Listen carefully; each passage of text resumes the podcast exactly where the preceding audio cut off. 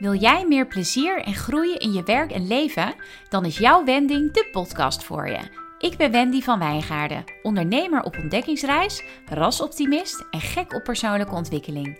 Met deze podcast wil ik je inspireren en aanmoedigen om op weg te gaan naar je leukste werk en leven. Omdat ik geloof dat het mogelijk is en omdat je het verdient. Ik wens je veel luisterplezier met deze aflevering van jouw Wending.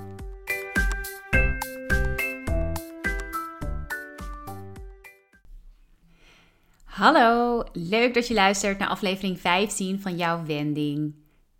Ik heb net mijn eerste nieuwsbrief verstuurd op de mail en ik vond het echt, oh, het was een hoop uitzoekwerk, maar het is gelukt. En nu ik eenmaal weet hoe het moet, zou de volgende nieuwsbrief uh, niet zoveel tijd moeten kosten, want dat is een kwestie van de tekst in de nieuwsbrief zetten en versturen. Dat hoop ik in ieder geval. Anyway, als je de nieuwsbrief hebt ontvangen en je vindt er iets van, laat het me weten. Dat vind ik heel erg interessant. Uh, ik ben altijd uh, benieuwd naar feedback. En als je hem niet hebt gekregen, dan betekent dat dat je nog niet op mijn mailinglijst staat.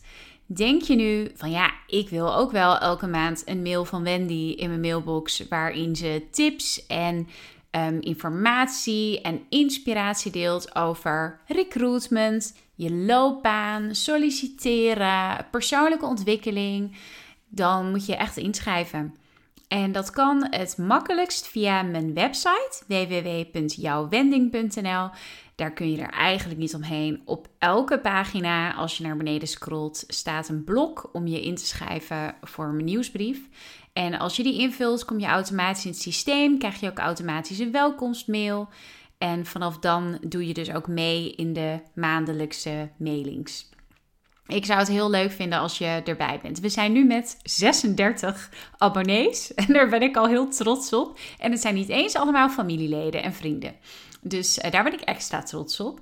Nou goed, ik zou het leuk vinden als je er ook bij komt. Tot zover de zelfpromotie. Ik heb namelijk een serieus onderwerp dat ik met je wil bespreken. Ik wil het namelijk met je hebben over wat het goede moment is om te gaan solliciteren. En wat mij betreft is het altijd het goede moment om te gaan solliciteren. Tenminste, dat kan het altijd zijn. Jij bent uiteindelijk degene die dat voor jezelf het beste kunt beslissen natuurlijk. En wat ik met deze podcast wil doen, met deze aflevering, is ik ga een beetje advocaat van de duivel spelen.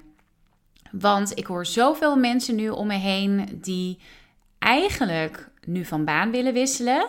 Maar die zeggen, ja, nee, ik wacht wel, want ja, corona, het is allemaal te onzeker. Ik, uh, ik wacht wel tot het allemaal wat gekalmeerd is, tot het weer een beetje normaal is. En dan begrijp ik. Er zijn een hele hoop argumenten om nu te wachten met solliciteren. En ik ga ook wat argumenten noemen om je de andere kant te laten zien. Ik ga je een aantal vragen stellen om voor jezelf te bedenken of erachter te komen wat het jou kost als jij wacht met het wisselen van baan. Of als jij wacht om met je werkgever in gesprek te gaan over dat je nu niet uh, happy bent in je werk. En dan ga ik helemaal op het eind ga ik ook nog wat tips geven. Ongeacht of je nu gaat solliciteren of dat je er nog een tijdje mee wacht. Een aantal acties met je delen die je nu meteen kunt gaan doen. En waarmee je of dan meteen kunt gaan solliciteren, of waarmee je in ieder geval klaar bent om te gaan solliciteren als je zover bent. En als jij het gevoel hebt van ja, nu voelt het wel goed, nu voelt eh, de markt wat, uh, wat zekerder, dan ben je al helemaal voorbereid op het solliciteren. Ja, en wat kunnen nu redenen zijn waardoor je op dit moment denkt: ik ben eigenlijk wel toe aan iets anders? Ik hoor heel veel verschillende verhalen op dit moment. Ik heb het idee dat er echt onwijs veel mensen ja, aan het nadenken zijn over een volgende stap. Uh, en er zitten allerlei oorzaken achter. Dus ik hoor van mensen die, ja, weet je, dit is toch een tijd waarin, je, waarin veel mensen wat meer naar binnen keren. Waarin je wat, je agenda wat leger is. En je dus ook wat meer tijd hebt om na te denken over wat je belangrijk vindt. En dan kan je er dus achter komen dat de dingen die jij belangrijk vindt en wat jij leuk vindt, hoe jij graag je tijd doorbrengt, dat je dat niet echt meer terugvindt in je werk. Of misschien heb je het wel nooit teruggevonden in je werk. Dat kan natuurlijk ook. Ja, er zijn ook werkgevers die gewoon niet heel handig omgaan met deze hele pandemie. Dat helpt natuurlijk ook niet mee. Dus aan de ene kant zie je werkgevers die heel begripvol zijn, die heel goed communiceren, die heel erg hun best doen om hun medewerkers het gevoel te geven dat ze gewaardeerd worden, dat ze ook al zijn ze thuis aan het werk, dat ze niet uit het oog verloren zijn.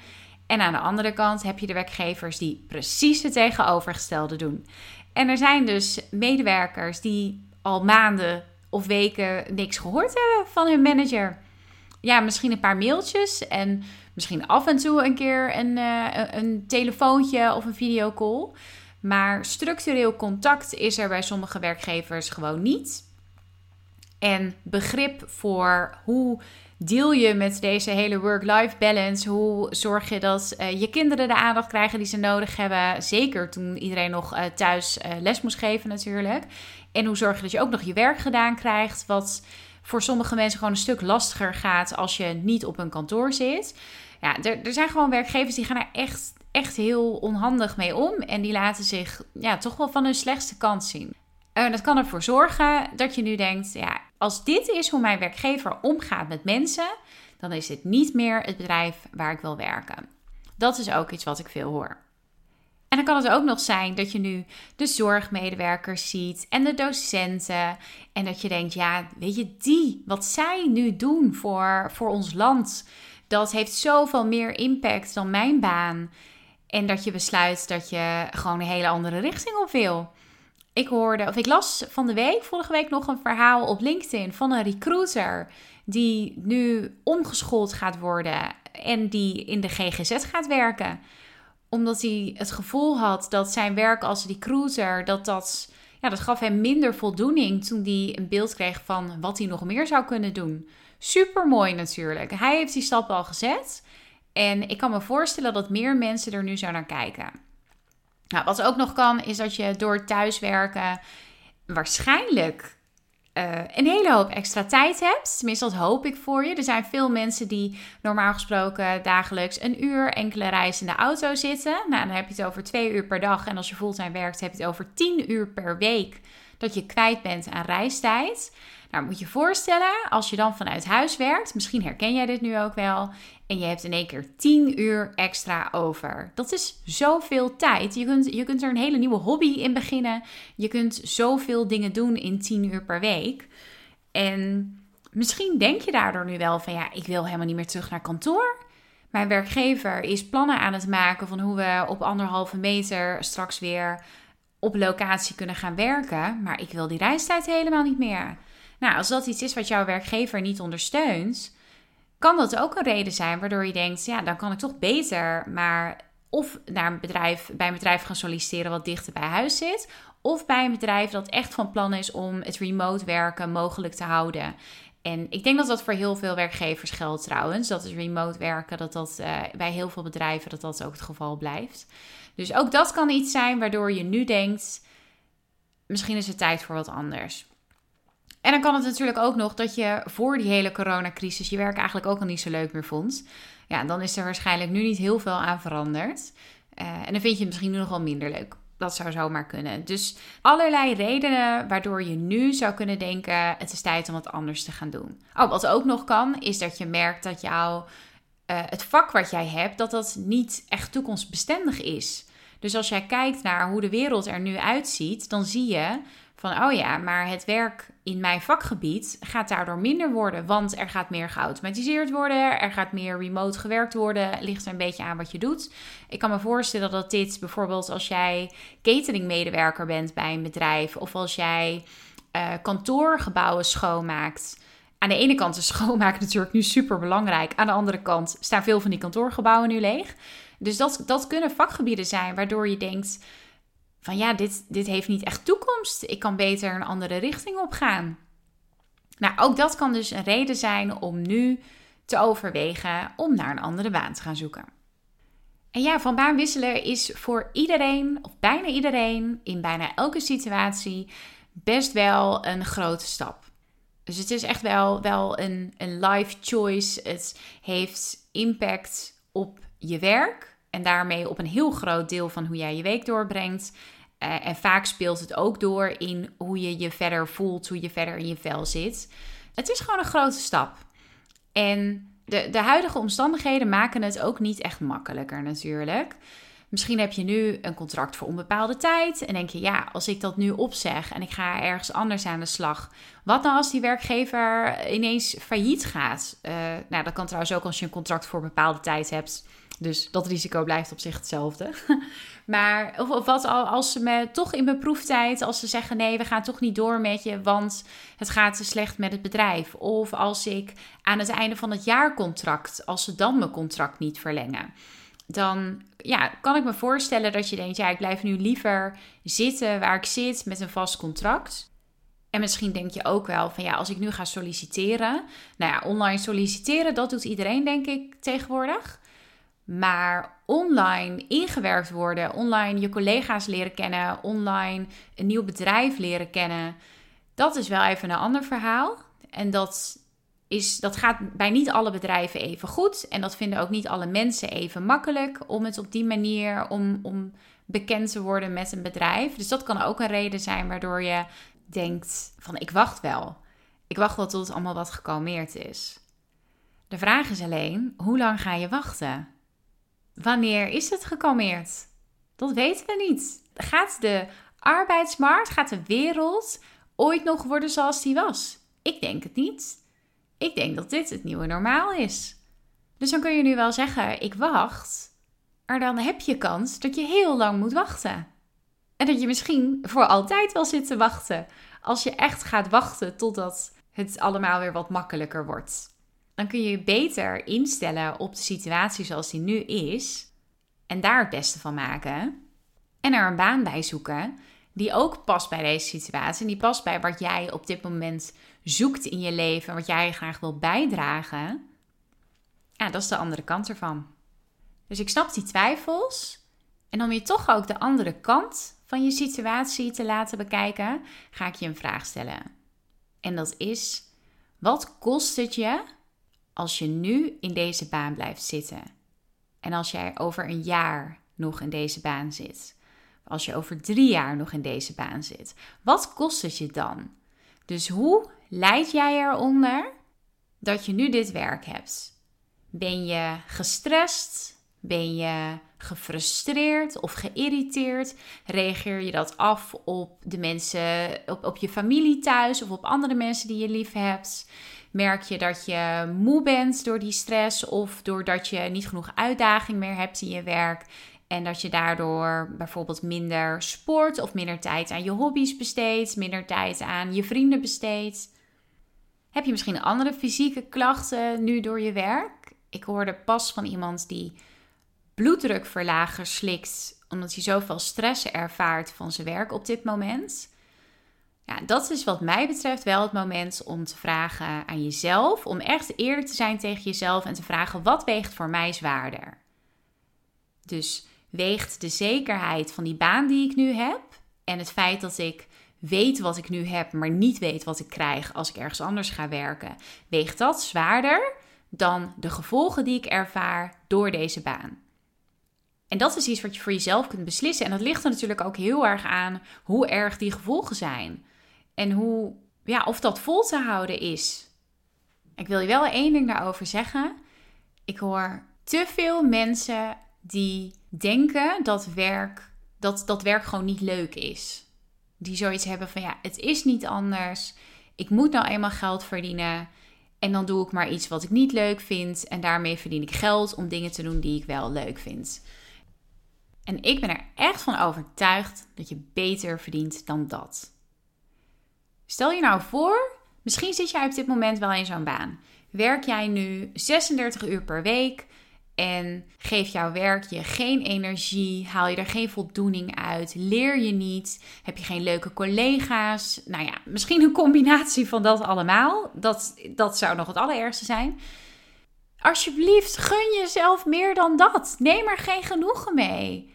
Ik geloof echt dat er meer is voor je. Ik geloof dat het wel leuk kan zijn dat je een baan kunt vinden waarin je echt het allerbeste van jezelf kwijt kunt. Dat er hele fijne werkgevers zijn die zich heel graag willen inzetten en jou willen helpen in je ontwikkeling. Ik heb ze zelf ervaren. Weet je, er zijn gewoon echt hele goede werkgevers. dat gun ik ook iedereen natuurlijk. Maar ook je, gewoon je, je functie, je werk wat je doet. Ik weet hoe het is om in een baan te zitten waarin je dat allemaal niet hebt. Ik begon op mijn twintigste met werken als telefoniste, receptioniste, secretaresse, office manager. Ik heb een aantal jaar dat soort functies gehad. En ik dacht toen van, nou oké, dit is wat ik kies. Dus dan ga ik me nu uh, erop richten dat ik een senior secretaresse word. Of dat ik een directiesecretaresse word. Of dat ik een office manager word die meer verantwoordelijkheden heeft. En ik stond er al die tijd niet zo bij stil dat ik het werk wat ik deed eigenlijk helemaal niet zo leuk vond. Ik was ook gewoon best een slechte secretaresse, want ik ben wat dat betreft niet heel dienstverlenend ingesteld. Dus ja, als je mij vraagt om het papier van de printer bij te vullen, dan lach ik je waarschijnlijk uit en stel ik voor dat je het zelf doet. dat is een beetje het type secretaresse dat ik, uh, dat ik was. En los van dat uh, een manager daar natuurlijk niet blij van wordt, uh, werd ik daar zelf ook helemaal niet blij van. En daar kwam ik eigenlijk pas achter toen ik overspannen raakte. En dat is alweer een aantal jaar geleden. Toen kwam ik thuis te zitten. Ik deed op dat moment al wel HR-werkzaamheden en ook wat recruitment-ondersteuning. Maar het was heel veel administratief werk en heel veel achter de schermen. Terwijl ik juist heel erg blij word van live contact met mensen en veel verschillende mensen ontmoeten. Ik ben creatief, ik heb heel veel ideeën, die wil ik ergens in kwijt. Dus als ik alleen maar moet werken met allerlei vaste administratieve processen, ja, daar haal ik nul energie uit. Voor mij was het ervoor nodig om overspannen te raken, om dat in te zien. Alsjeblieft, probeer dat voor jezelf te voorkomen en ga daar nu eens over nadenken. Want als jij tot de conclusie komt dat dat er in jouw functie ook een aantal dingen zijn die eigenlijk echt niet bij je passen. Of waar je echt niet gelukkig van wordt. Of dat je, je manager gewoon een eikel is. Kan dit dus het goede moment zijn om toch te gaan solliciteren naar wat anders? Nou, er is nog één stap die je kunt zetten voordat je daarmee begint. Dat ligt er wel een beetje aan waar je tegenaan loopt in je werk. Dus als je manager, als, weet je, als je gewoon echt niet door één deur kunt met je manager, dan is deze tip waarschijnlijk niet de beste. Uh, mijn tip is namelijk dat je in gesprek gaat met je manager. Kan ook hoor. Als het echt niet klikt, dan, uh, dan kun je ook nog kijken om je er met je manager uit te komen. Maar dat ligt natuurlijk heel erg aan hoe die situatie is. Uh, ik denk zelf meer aan een situatie waarin je niet genoeg meer uitgedaagd wordt in je werk. Dus je merkt, ik ben heel veel van hetzelfde aan het doen. Ik leer eigenlijk geen nieuwe dingen meer. Mijn werk is daardoor best wel saai. En ik word niet geprikkeld om mezelf weer verder te ontwikkelen. Dan kun je denken: oké, goed, ik ga wel op zoek naar een andere baan. Maar je kunt ook eerst met je manager gaan praten. Een goede manager die zal heel graag met jou meedenken over hoe die jou kan behouden voor het bedrijf. Het ligt er ook wel heel erg aan hoe je zo'n gesprek insteekt. Dus ga vooral niet een gesprek aan en zeg: uh, Hoi manager, ik vind mijn werk niet meer uitdagend. Help mij. Ik wil dat jij dit oplost voor me daar zit natuurlijk geen manager op te wachten. Dus bereid het goed voor. Ga er positief in. Denk goed na over oplossingen. En stel dat dan ook voor in het gesprek. Dus misschien zie jij wel dat er bij jou op het werk dat bepaalde werkzaamheden blijven liggen omdat die niet dedicated bij één persoon uh, zijn neergelegd. En denk jij, ja, dat zou ik er best wel bij kunnen pakken. Lijkt me eigenlijk wel leuk als ik dat erbij ga doen. Of misschien is er een bepaalde training die je kunt volgen, waardoor je weer een stapje omhoog kunt in je functie. Misschien zijn er andere afspraken die je kunt maken om een promotie te maken. Als je weet van ja, die promotie gaat me ook weer meer verantwoordelijkheden opleveren of meer vrijheid opleveren. Dat, dat zijn dingen die je echt wel kunt aankaarten bij je manager. Als je het op de goede manier doet. Dus positief, denk van tevoren na op een oplossing en leg het niet neer bij je manager eh, in de zin van: hallo, los dit voor mij op. Maar leg uit hoe je je voelt en over welke oplossing je hebt nagedacht. Stel dat aan hem voor of aan haar voor. En vraag van hoe kunnen we hier samen uitkomen? Heb je hier verder nog ideeën over? Wil je me hiermee helpen? En als je dan een, een werkgever of een manager hebt die zegt nee, sorry, hier kan ik niks mee. Als jij niet gelukkig bent in je werk, ja, jammer voor je, kan ik ook niks aan doen. Dan moet je misschien maar om je heen gaan kijken naar wat anders. Dat kan, hè? Dat, ja, soms is er gewoon geen andere oplossing. Het ligt misschien ook aan de grootte van het bedrijf waar je werkt. Als zo'n manager dat zegt, of als je al eerder dit soort gesprekken hebt gehad en het heeft uiteindelijk nog steeds niet echt opgeleverd wat jij graag wil in je werk en je besluit van nee, ik, ik ga het binnen mijn werkgever, ik ga het hier niet meer vinden, ik ga echt naar buiten kijken, dan kun je of wachten met solliciteren, of je kunt nu gewoon beginnen met solliciteren. Er zijn een hoop vacatures, ligt wel aan de beroepsgroep waarin je werkt. Uh, er zijn een aantal kansberoepen benoemd door het UWV al een tijdje geleden. En die gelden ook nu in de coronacrisis nog steeds. En dat is uh, de techniek, het onderwijs, de zorg en de IT. Dus je kunt ook nog kijken, als je daar nu niet in zit en je zit in een beroepsgroep waarvan je bang bent dat daar niet heel veel toekomst in zit, kun je ook gaan kijken naar omscholing. Er is zelfs overheidsgeld nu beschikbaar om uh, opleidingen te volgen of om een loopbaancoach in te schakelen. Helaas kom ik daarvoor niet in aanmerking, want ik heb nog niet mijn loopbaancoach-accreditatie. Anders kon je het ook bij mij doen. Ik wil je natuurlijk wel met alle liefde wil ik erover met je meedenken. Alleen dan moet je het zelf betalen of je werkgever. Kan ook. En ga je in ieder geval voorbereiden op het solliciteren. En daarvoor heb ik dus nog een aantal tips voor je. En dat is uh, ja, ook eigenlijk ter afsluiting van deze podcast. Ga nadenken over vaardigheden die je nodig hebt in de baan die je straks wilt hebben.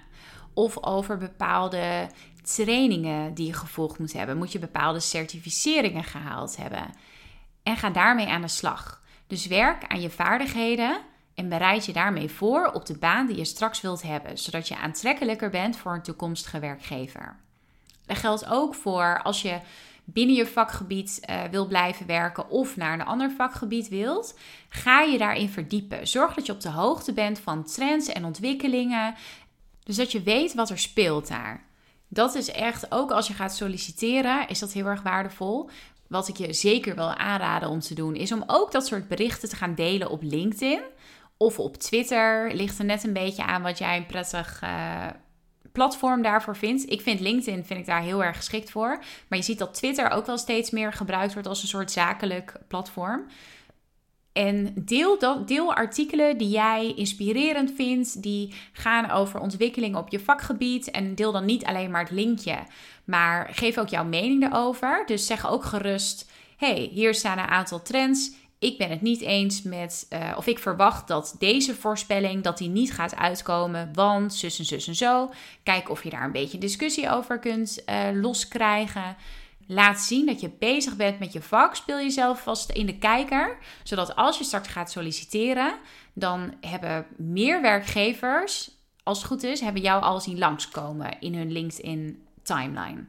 Nou, en als ik het dan toch over LinkedIn heb, dan is het Updaten van je LinkedIn profiel en ook van je cv is echt een must. Vrijwel elke werkgever kijkt op je LinkedIn profiel als jij solliciteert. Los van dat jij bij hun kunt solliciteren, zijn er natuurlijk ook heel veel recruiters die op zoek kunnen zijn naar jou. Dus zorg dat je LinkedIn-profiel duidelijk laat zien wat je vaardigheden zijn, wat je ervaring is, wat je bereikt hebt in vorige banen, of je bepaalde projecten goed hebt afgerond en wat, je daar, wat jouw rol daarin was.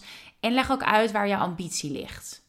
Zo zorg je dat potentiële werkgevers of potentiële uh, collega's die op zoek zijn naar nieuwe collega's, die op jouw profiel kijken, dat ze begrijpen wat je kunt, wat jouw waarde is en waar je naartoe wilt. En ga ook vast eens kijken naar wat voor werkgevers je aanspreken en wat voor functies je aanspreken. Ga gewoon eens, ook al ben je nu helemaal niet van plan om te solliciteren en denk je nou, ik wacht nog even.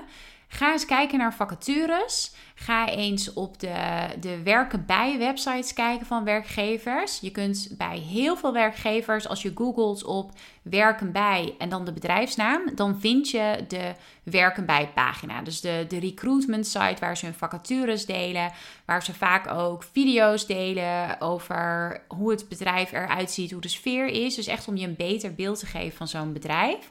Op die manier krijg je dus een beter beeld van verschillende werkgevers en weet je ook beter wat voor soort bedrijven je aanspreken dan weet je ook beter van wil je straks bij een hele grote corporate werken waar uh, eh, 5000 man werkt of wil je juist bij een bedrijf met maximaal 100 medewerkers werken. Ga daar vast over nadenken en ga je daarin verdiepen. En ook voor die vacatures, op het moment dat je vacatures leest, kijk heel goed wat je aanspreekt en wat je niet aanspreekt. En noteer het desnoods als je bepaalde werkzaamheden ziet waarvan je denkt: wow, dit lijkt me echt heel erg leuk om te doen. Ga het eens opschrijven voor jezelf. Voor je het weet heb je een lijst met je favoriete werkzaamheden. Nou, dat is nog eens een mooi uitgangspunt om te gebruiken als je op zoek gaat naar je nieuwe baan. En wie weet, kom je een vacature tegen waarvan je denkt: ja, dit is hem. Dit is de baan die ik wil. Nou, mooi. Dan heb je je cv al bijgewerkt, je hebt je LinkedIn al bijgewerkt, kun je meteen solliciteren. En mocht je daar nou toch nog wat hulp bij willen, ik heb nu een LinkedIn workshop heb ik ontwikkeld, waarbij ik je dus help met je LinkedIn profiel. En dat bestaat deels uit calls met mij. Dat doen we met uh, videocalls. En daarnaast krijg je ook een werkboek waarmee je zelf aan de slag gaat om je profiel echt super, super strak en uitgebreid en interessant en aansprekend te maken. En dat werkboek dat kun je ook in de toekomst houden als naslagwerk om steeds je LinkedIn profiel weer te updaten. Wat mij betreft is dat echt iets wat je nou, minimaal eens per kwartaal uh, moet doen. En ik heb nog een leuke actie bedacht daarvoor. Want in september, van 14 tot en met 19 september uit mijn hoofd, is het de week van de loopbaan. En daarom heb ik bedacht dat die LinkedIn workshop, dat ik die voor een lager bedrag aanbied in de hele maand september. Dus mocht je nu door het luisteren van deze podcast denken, ja, ik wil hiermee aan de slag, maar ik heb er wel wat hulp bij nodig. Laat het me weten, dan kan ik je meer informatie daarover geven. Er staat ook wat informatie over op mijn website. Als je naar de blog gaat, die ook heet Wachten met solliciteren of niet. Het gaat over hetzelfde onderwerp als deze podcast. Daar zat ook wat meer informatie over in. Ik heb nog niet een aparte pagina op mijn site waar ik meer over de verschillende producten vertel. Dus ik kan helaas nog niet verwijzen naar een specifieke pagina. Maar laat het me gewoon weten als je meer info wil, dan kan ik je dat geven. Ik ben heel erg benieuwd wat je nu gaat doen. Ga je wachten met solliciteren of toch niet? Laat het me weten. Ook als je gewoon even wil sparren. Je mag me altijd een mail sturen. wendy.jouwwending.nl Je kunt me een DM sturen op Instagram of op LinkedIn. Je kunt het contactformulier op mijn website invullen. Nou, net wat je zelf wil. Ik geloof dat er genoeg manieren zijn om in contact te komen met me. En dan, uh, nou, nogmaals, ik zou het heel erg leuk vinden als ik je hierdoor aan het denken heb gezet. En als ik je hierdoor tot actie heb aangezet, laat het me weten. Want dan ben ik je cheerleader en dan ga ik zorgen dat je ook echt nu doorpakt. Want ik geloof dat dit echt een heel goed moment kan zijn om op zoek te gaan naar een andere baan. En dan wil ik je voor nu bedanken voor het luisteren. Als je er nog steeds bij bent, dan heb je toch bijna een half uur naar me zitten luisteren weer. Dus eh, bedankt daarvoor. Bedankt voor het volhouden. En nou ja, ik ben er heel snel weer met een nieuwe aflevering. Mocht je nog tips hebben, dingen waarvan je graag wil dat ik ze een keer behandel in de podcast, laat het me ook weten. Dan hou ik daar zeker rekening mee. Of als je een bepaalde vraag hebt waarvan je denkt: oh, dat is misschien wel ook interessant voor andere mensen, kun je dat niet eens behandelen in de podcast? Let me know, vind ik echt heel leuk. En dan hoop ik dat je de volgende aflevering weer bij bent. Tot dan!